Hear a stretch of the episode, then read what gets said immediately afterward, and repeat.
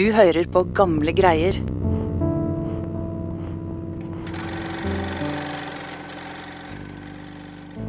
Det var i, stor grad en kamp om moral. Sex og vold var det helt sentrale temaet, kan vi godt si, i den tidlige filmen. Det er en voldsom kjærlighetshistorie, rett og slett. Den må ha gått veldig dypt, uh, siden hun ofra på en måte barna sine og ryktet sitt. Og det var jo rett og slett en, en måte å overleve på.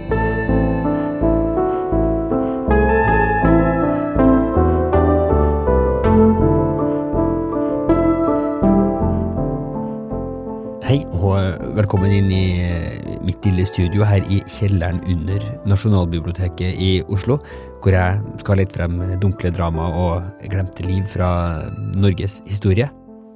Jeg som skal være en slags guide, heter Askild Matre Aasarød.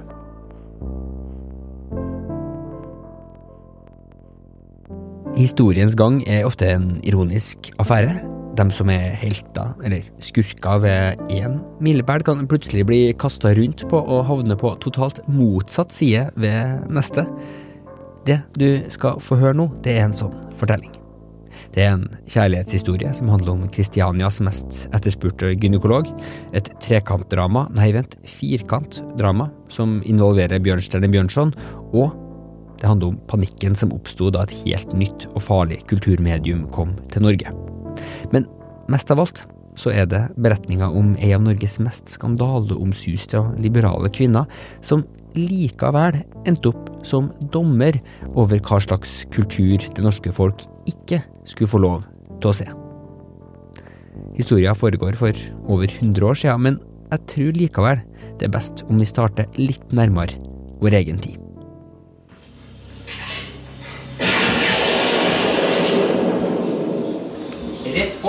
På! Ja. Good timing. What are friends for? Det her er et bortsensurert klipp fra Rambo 3. Det er altså et klipp som det ble ulovlig å vise frem på norske kinoer i 1988 da denne filmen kom. Scenen viser en mann som blir skutt i brystet i det som ser ut til å være ei grotte i Afghanistan. Kinoloven fra 1913, som fortsatt var i, i live på 1980-tallet, den stadfesta at en skulle kutte scener som var forrådende, eller som krenka allmenn ærbarhet. Her er da det som er klippet ut, ser det ut som. For her ligger det masse små ruller inne i denne boksen, ja. Mange av de her sensurerte snuttene fra filmer har blitt tatt vare på og har havna i Nasjonalbiblioteket sitt hvelv i Mo i Rana. Det er der alt som en håper skal overleve den kommende atomkrigen, blir, blir lagra. De satt ikke sammen til noe, de bare klippet det ut, rullet det sammen og puttet det i boksen. Jeg fikk hjelp til å, å se et nokså tilfeldig utvalg av de her klippene av forskningsbibliotekar Bent Bang-Hansen, som spente dem opp på en avspillingspult, som er en sånn innretning hvor en kan vise frem eh, filmruller, i kjelleren på Nasjonalbiblioteket i Oslo. Så alt det der er bare de tingene man skulle ønske man fikk se når man var tolv? Ja, antageligvis. Eh, hvis du var på jakt etter de mest grusomme scenene.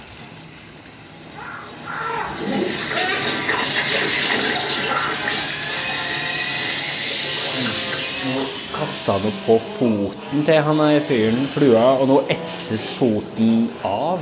Det her det er en bortklipt scene fra filmen 'Fluen' fra 1987. Det som ble klippet bort frem til slutten av 1980-tallet, det var alt fra vold og gørr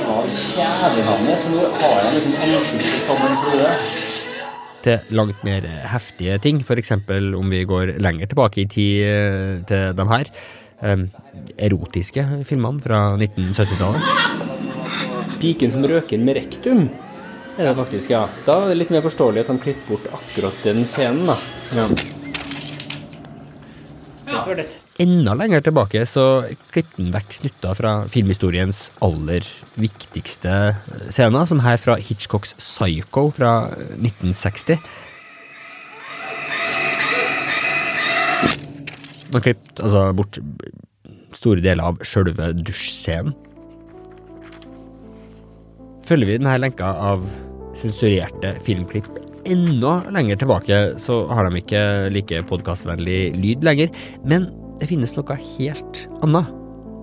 sensurkort som sensorene skrev, lapper hvor de noterte ned filmens handling, og hva de eventuelt klippet bort.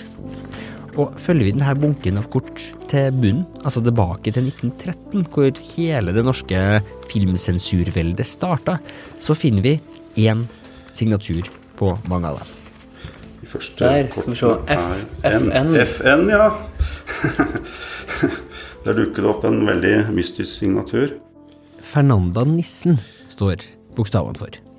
For ettertida så er hun mest kjent som en av Norges største feministiske pionerer. En forkjemper for å gi arbeiderklassen tilgang til kultur. Men de siste sju årene av livet sitt, som i ettertid har blitt så godt som glemt, så arbeider hun med noe helt annet. Hun satt inne i en bygård i Grubbegata i Kristiania, ikke langt fra Stortorget og domkirka i byen, i en liten kinosal eid av Statens filmkontroll. Der inne så var hun Norges første statlige filmsensor. Og vi kan se henne for oss i det mørke rommet, omgitt av lukta fra den varme kinoprojektoren og lyden av den lettantennelige filmen som for gjennom maskinen. Hun hadde akkurat bikka 50. Kanskje satt hun kledd sånn som hun ofte lot seg avfotografere, med en kjole med en stram, høy hals, en sånn som hadde vært på moten på slutten av 1800-tallet, men som nå på 1910-tallet begynte å bli litt gammeldags. På nesa så hadde hun klipsa de karakteristiske brillene sine med brilleglass som pekte nedover, som om de var to vanndråper. Foran seg så hadde hun en pult med en telefon og papir hvor hun skrev det hun sjøl kalte De avskyelige små gjengivelser av handlingen. Innimellom, mens filmen rulla, så tok hun av telefonrøret og ga en beskjed til kinomaskinisten i projektorrommet, mens hun noterte noe på lappen foran seg. Slutten av Kleopatras dans, klippet 19 meter, kunne hun skrive. Eller Der liket slepes ut mot hagen, klippet 3,5 meter. Hvor krokodillerne bryter seg ut, 3 meter. Badescenen i annen akt, klippet syv meter. Lamadansen, klippet åtte meter. Hun klippet bort scener hvor politiet og myndighetene blir latterliggjort, og så tilsynelatende harmløse ting som Charlie Chaplin-sketsjer. Kinomaskinisten klippet bort scenene, og nissen arkiverte sirlig sensurkortene hun hadde skrevet. I denne salen så sensurerte nissen fra 1913 og utover, i turnus som med sin sensurkompanjong, en kristenkonservativ lærer fra Vestlandet, alle spillefilmer som skulle vises lovlig i Norge. Fra Grubbegata så var hun, ved hjelp av de små papirlappene hun skrev, med på å sette standarden for hvordan vi her i Norge har sensurert kultur helt frem til Rambo og co. på slutten av 1980-tallet. Og det var én type film den eldre nissen mislikte spesielt når hun satt og sensurerte i kinosalen. Romantiske melodramaer, det var ikke fru Nissens favoritt. Det her er Mari Jonassen som leser høyt fra sin biografi Fernanda Nissen, kjærlighet og arbeid. Hun tålte ikke filmenes overdrevne moralfølelse. Og det her er egentlig litt underlig. For skulle noen laga en stumfilm om Fernanda Nissens vei frem til kinosalen i Grubbegata, så ville det vært et melodrama.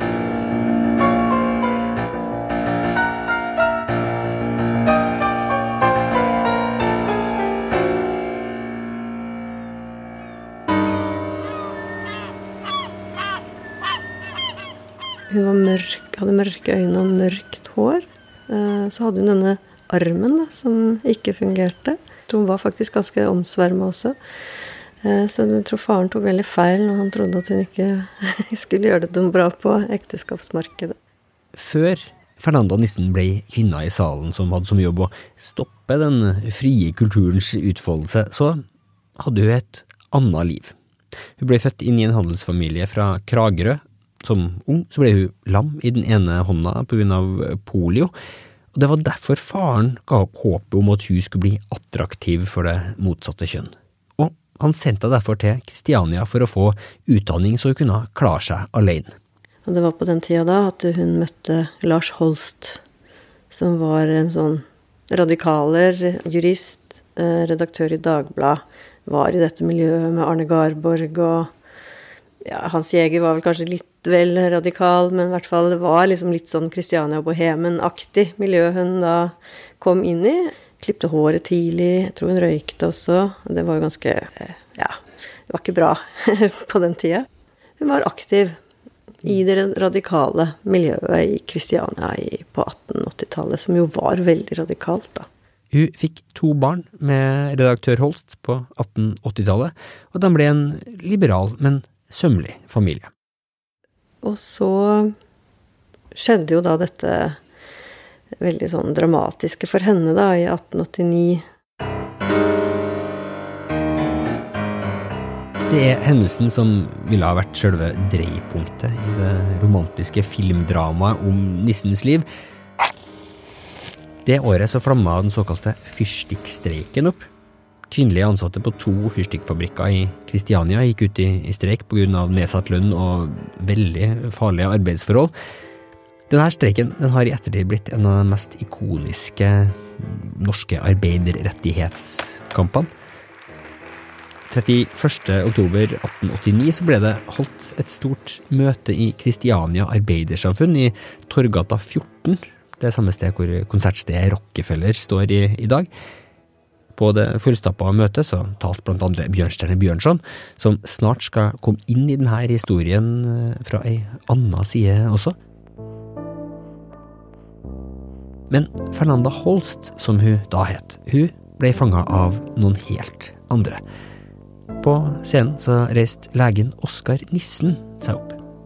Han snakka om skadene som kvinnene på fyrstikkfabrikkene fikk fra arbeidet, om fosforen som, når den ble pusta inn som en gass, kunne ha ført til at kvinnene sine kjever gikk i oppløsning. Men tross det morbide temaet så satt Fernanda der fjetra. Oskar Nissen var nesten 20 år eldre enn Fernanda, med rene ansiktstrekk og ei spiss hake.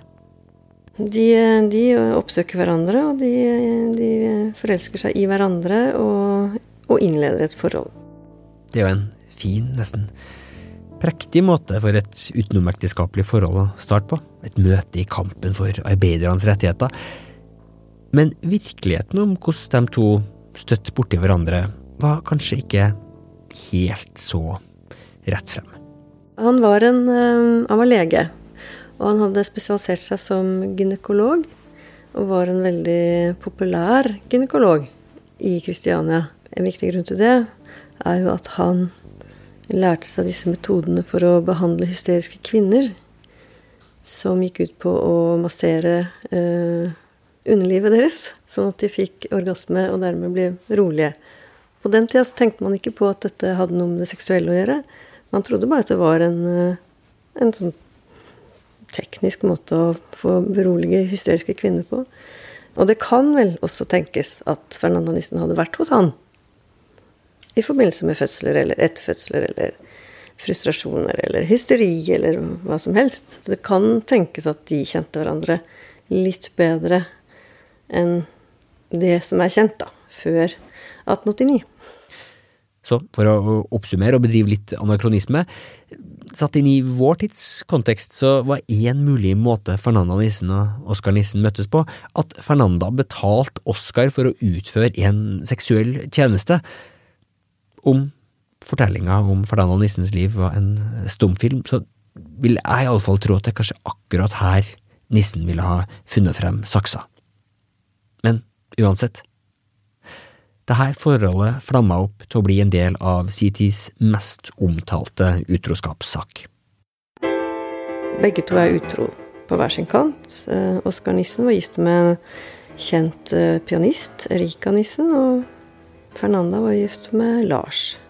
Og hadde to små barn, og Oskar hadde fem barn fra før, så det var jo ganske sensasjonelt, da. Men det, de holdt jo hemmelig. Men det ble ikke skjult så forferdelig lenge. Du forstår. Erika Nissen, pianisten som var gift med Oskar, hadde på si side innleda et forhold, i alle fall gjennom noen dampende hete brev, til Bjørnstjerne Bjørnson, også han gift. Dette oppdaget da kona til Bjørnstjerne og datteren ved at de leste brevene, de lidenskapelige brevene som Erika sendte til Bjørnstjerne. Eh, og holdt vel kanskje også igjen brevene fra Bjørnstjerne til Erika. Det er i det hele tatt en eh, forrykende historie i seg sjøl, som, som, ender med at dattera til Bjørnstjerne Bjørnson truer med å skyte sin egen far. De begynte da å true henne om å offentliggjøre denne skandalen. Eh, og da klarte Erika Nissen å snu dette, sånn at det ble Oskar Nissen og Fernanda som på en måte ble syndebukkene. Så at hun kom seg helberga gjennom den krisa, da.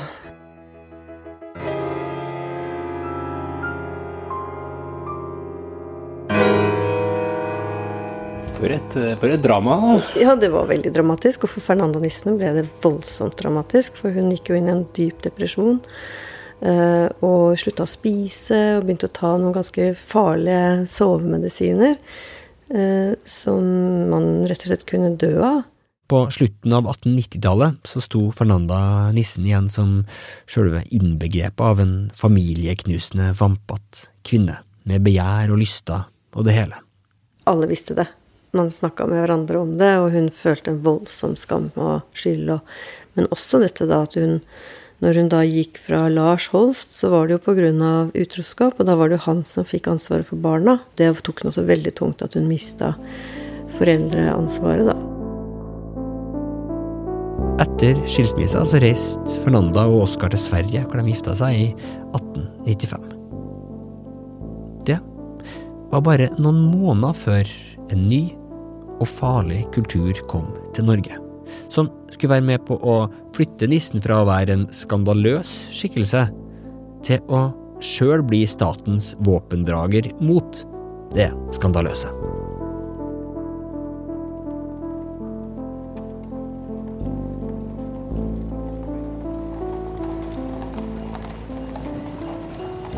Den aller første filmvisninga i Norge, og muligens også i Skandinavia, den foregikk 6.4.1896 på Circus Varieté inne på Christiania tivoli. Et stort underholdningskompleks som lå midt mellom eh, der Nationaltheatret og det som i dag er eh, Rådhuset i Oslo står. Det besto av store kuppelbygg og alleer og scener hvor en kunne se det meste av brei underholdning. Det var populære teateroppsetninger av Jules Verne-historier, det var konserter og fremvisninger av nye elektriske oppfinnelser, og altså også levende bilder. Den der første kvelden så snurra filmpioneren Max Skladanowski en potpurri av forskjellige snutter, blant annet en film med det herlige navnet Mr. Delever med sin boksende kenguru. Dagbladet var også til stede, og skrev Folk satt som slåede av den megen likhet med levende mennesker. Enkelte trodde endog at det var personer bak lysskjermen. I løpet av de neste tre-fire årene så poppa det opp mer enn 20 kinoer bare i Kristiania, og en lang rekke ellers også rundt om i landet, som spilte både fiksjon og nyheter. I 1910 for eksempel så sto folk i kø for å se en film fra begravelsen til Bjørnstjerne Bjørnson, som hadde klart å berge sitt ekteskap tross skandalene. Samtidig med det her så bygde Fernanda Nissen seg opp som en av landets sentrale intellektuelle. Hun var viktig i kampen for kvinners stemmerett, og for at det ikke skulle være noe begrensning på hvordan kultur arbeiderklassen skulle få lov til å bruke. Hun var blant annet den fremste forkjemperen for ei ordning som ga fattige tilgang til Nationaltheatret. Men på spørsmålet om ytringsfrihet for filmen, så er det litt vanskeligere å bli klok på. Det var liksom, Da de begynte å diskutere dette her i, i 1912, så skrev hun en artikkel hvor hun mente nei, vi trenger ikke filmsensur. også. da bare kanskje et halvt år etter, så søker hun da på den stillingen. Hvordan henger det på grep?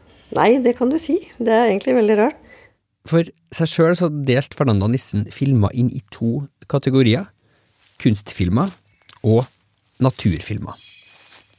Hun elska naturfilmen, som kunne ta med folk til nye steder og vise frem verden, og hun kunne ikke fordra det hun mente var den platte kunstfilmen som ikke hadde noe hun skulle ha sagt opp mot teatret.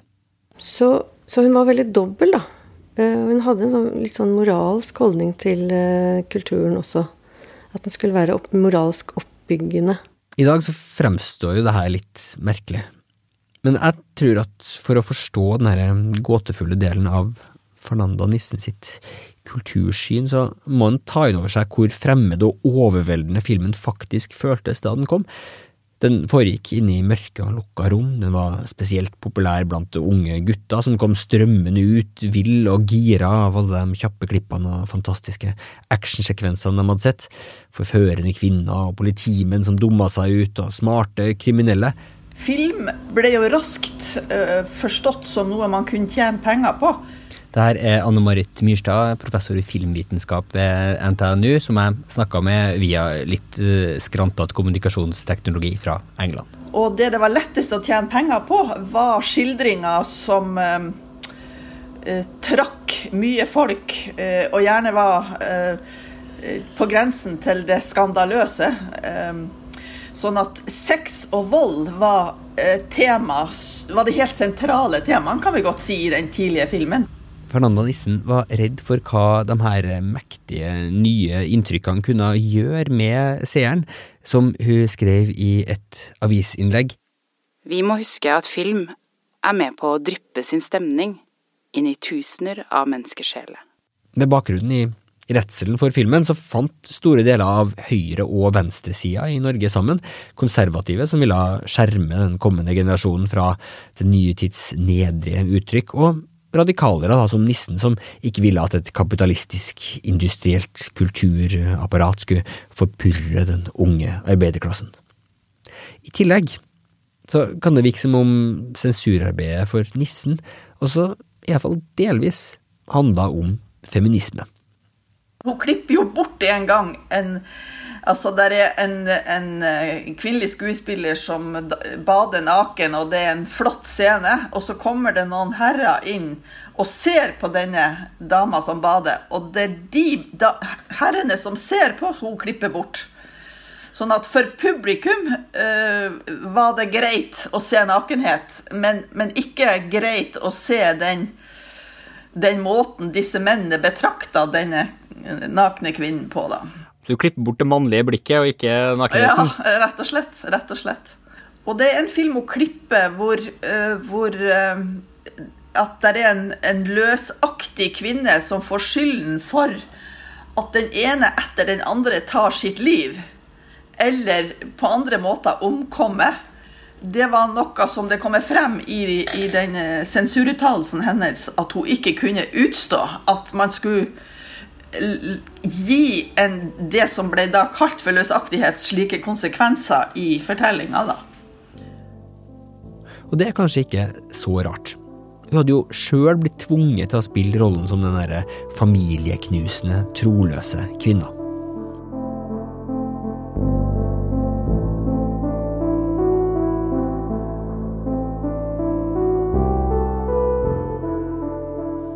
Men det finnes også ei anna løsning på gåta om hvordan nissen gikk fra å være en liberal forkjemper for fri kultur til å bli sensor.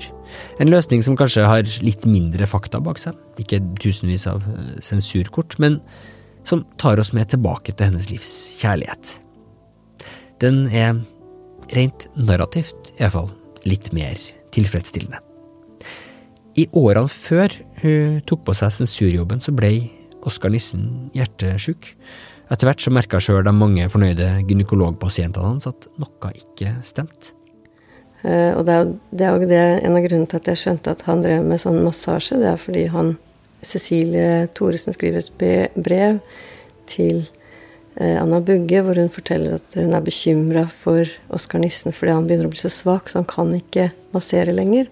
Og det betyr at eh, de da at, lønnen, altså at inntektene går ned, og han blir ikke like populær som, som gynekolog, da. Så, i 1911, så døde han. Og det var en katastrofe for Fernanda Nissen, for hun var veldig, veldig glad i han. Det var liksom på han hun hadde bygget fundamentet sitt. Både personlig og, og politisk og yrkesmessig og alt. Så det var, det var en stor, stor sorg. Og hun, hun satt og trodde at hun kom til å dø selv. Hun spiste ikke og var virkelig mm. Oskar Nissen ble kremert, og aska hans ble lagt i en massiv jernurne med påsveisa ornamentale spyd laga av Gustav Vigeland. Den ser ut som eh, den der hjelmen til Sauron fra Ringenes herre, hvis du vet hvordan den eh, ser ut. I det hele tatt et ganske majestetisk sted å bli stett til hvile. Uten Oskar Nissen og legepraksisen hans, så måtte Fernanda Nissen sjøl leite etter fast arbeid. Og om det ikke var pengene, så kanskje det bare var behovet for en altoppslukende jobb som drev henne. Det var, det var en, en, så stor sorg at hun fortsatt sa hun befant seg i et slags mørke. Og at det å få en sånn, skal vi si kanskje, altså en fast jobb, noe som hun måtte gjøre hver dag altså, Det kan også være sånne personlige eh, argumenter for det. altså. Hun bytta altså sitt indre mørke mot mørket i den lille kinosalen i Grubbegata. Det er i alle fall en poetisk måte å tenke på det. I 1920 så la Fernando Nissen ut på ei reise sammen med Hulda Garborg. Eh, til Tyskland etter første verdenskrig for å se liksom, konsekvensene av revolusjonen. De fikk jo en periode med revolusjon i, i Tyskland. Så de, de, reiser sammen ned til Berlin, eh, og så får hun en influensa som eh, utvikler seg til en lungebetennelse. Og hun blir etter hvert lagt inn på sykehus til slutt så dør hun rett og slett av et hjerteinfarkt. Nissen døde akkurat idet filmen skulle gå inn i sin storhetstid, hvor de enkle og karikerte kvinnefigurene som hun hadde reagert som på, i alle fall delvis skulle byttes ut med mer sammensatte figurer av kjøtt og blod, og hvor filmen virkelig skulle få lov til å vise seg sjøl frem som kunst.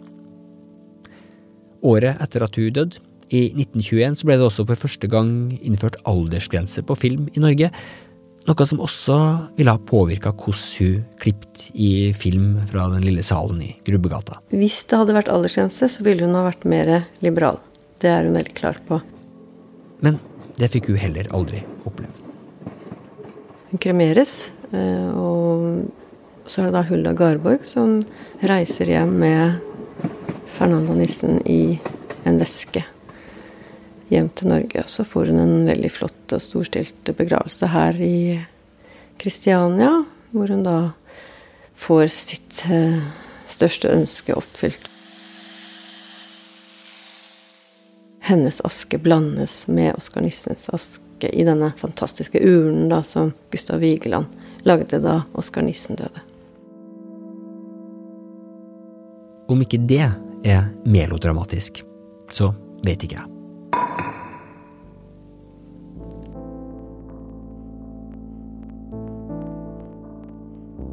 Om en nå helt til slutt skal prøve å bli klok på arven etter Fernanda Nissen og effekten hennes på norsk kultur, så er ikke det så helt lett. Hun var en radikaler på slutten av 1800-tallet, men på 1910-tallet så var hun blitt forrige generasjons radikaler som ikke helt forsto den nye kulturteknologien. Noen som velger å sensurere Charlie Chaplin sjøl med mål om å beskytte barn, vil for alltid måtte være på feil side av historien, iallfall på akkurat det området. Og det er kanskje en sensors forbannelse, å alltid være bak tidsånden og den nye og vågale kulturen, alltid litt off. Og den tradisjonen fulgte Fernanda Nissens etterfølgere opp mot vår tid også. Gjennom årtidene så fortsatte de i Statens filmtilsyn å skrive ned hva de klippet bort fra filmer, og hvor mange meter på de samme små pappkortene som nissen brukte. Som det her som jeg fant sammen med forskningsbibliotekar eh, Øyvind Hanke fra 1987, året før vi fikk en ny filmlov i Norge. Skal vi se hvilken film er det? Den heter Predator. Å ja, det er med Arnold og co. Ja. Akt tre. Mann med hele brystet skutt ut. Forkortet to meter. Akt fire. sånn. Uh, neger blir skutt i hodet, forkortet en halv meter. Ja. Neger får armen skutt av, forkortet to og en halv meter. indianer får innvollene revet ut forkortet ti meter. Jeg vil vel tro at det er sensurkortet her som ville ha blitt sensurert i dag. Det skulle man tro. Dette er jo ikke en sånn Det kortet skal få lov til å tale litt for seg sjøl.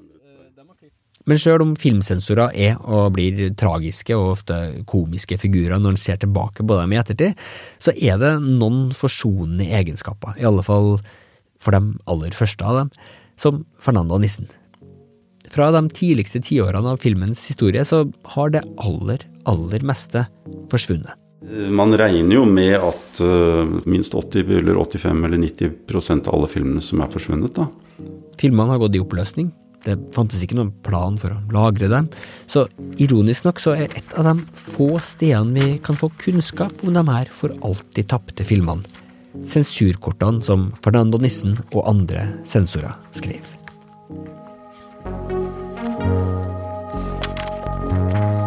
En flyver har konstruert en fallskjerm som skal være i stand til at redde aeroplanets fører utskadd til jorden selv om apparatet En arbeider mister sin datter ved et mineskudd, blir sinnssvak og røver sin nabos datter i stedet.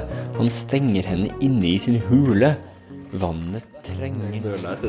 Du har veldig lyst til å se disse filmene nå, ikke sant? Både de som ble forbudt. I tilstand vender han sitt hat mot sin bror, en sekretær i utenlandstjeneste.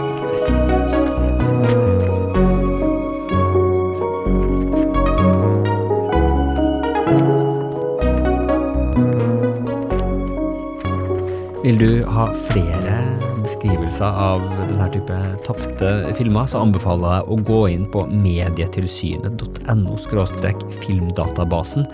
Der finner du oppsummeringa av filmer helt tilbake til 1913. Og vil du se sjølve sensurkortene, så har jeg funnet frem noen av dem og lagt dem ut på nb.no, om du klikker deg inn på historier fra samlingen. I arbeidet med denne fortellinga er det ei bok som har vært helt uunnværlig. Det er Tanja Pedersen Nymos Slibrige scener, lystige knep.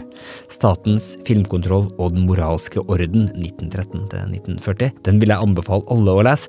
Så vil jeg selvsagt anbefale Mari Jonassen sin biografi Fernanda Nissen, kjærlighet og arbeid, og Anna-Marit Myrstad sin artikkel Filmsensur og samfunnsmoral, tilfelle Fernanda Nissen.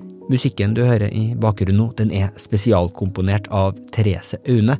Vil du høre mer av hennes musikk, så finner du den inne på thereseaune.com, og selvsagt på din lokale strømmetjeneste. Stumfilmmusikken den er spilt inn av Kevin MacLeod, gjort tilgjengelig gjennom en Creative Commons-lisens via incomtech.com. Stemmen til Fernanda Nissen det var Victoria Kielland, og den forbløffa Dagbladet-journalisten var spilt av Lars Haga Råvan. Gamle greier det er en podkast uh, laga av Nasjonalbiblioteket. Vi har også en annen podkast jeg vil anbefale, NB Arrangement. Den får du høre litt mer fra om du venter bitte litt. Redaktør for Gamle greier er Ida Berntsen. Jeg heter Askild Matre Aasarød. Og du, om du liker det du hører her, så fortell veldig gjerne venner og familie om oss. Vi høres.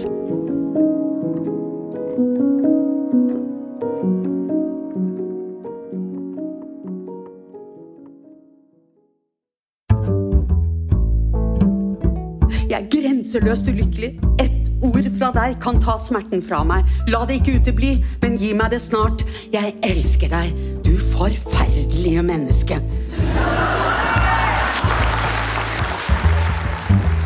Podkasten NB Arrangement er en stor og stadig voksende samling av arrangementer vi har hatt på Nasjonalbiblioteket.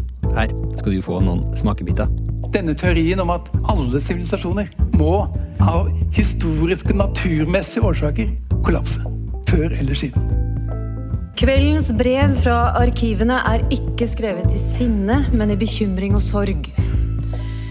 Dypt personlige historier fra mennesker som kom før oss. Jeg ville så gjerne ha skrevet om stormannsgalskap og høyspent dyrkelse av det såkalte åndsmennesket, og også kunstneren med stor K, men det fikk jeg ikke plass til i kveld, og det er klart at det må bli et fremtidig foredrag. Det er viktig at vi ikke bare ser på dagen i dag ut fra gårsdagens erfaringer, men også ser på den i lys av morgendagens muligheter. Ingen er tjent med å rygge inn i fremtiden. Så jeg innførte fra første dag den regelen at alle møter begynner presis. Og så tok vi først sakene til dem som ikke var kommet.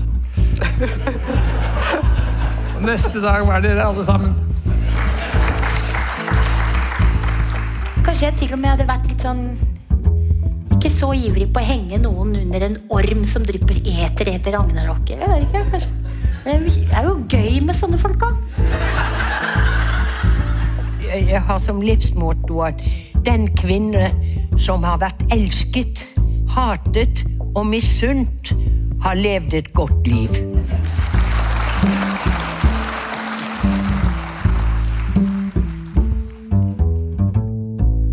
De her arrangementene og mye mer det finner du altså i podkasten NB Arrangement.